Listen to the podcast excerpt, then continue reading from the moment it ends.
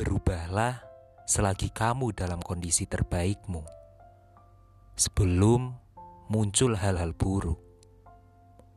Akan terlalu lambat untuk membetulkan atap saat musim hujan terlanjur datang. Pinjamlah payung selagi matahari masih bersinar.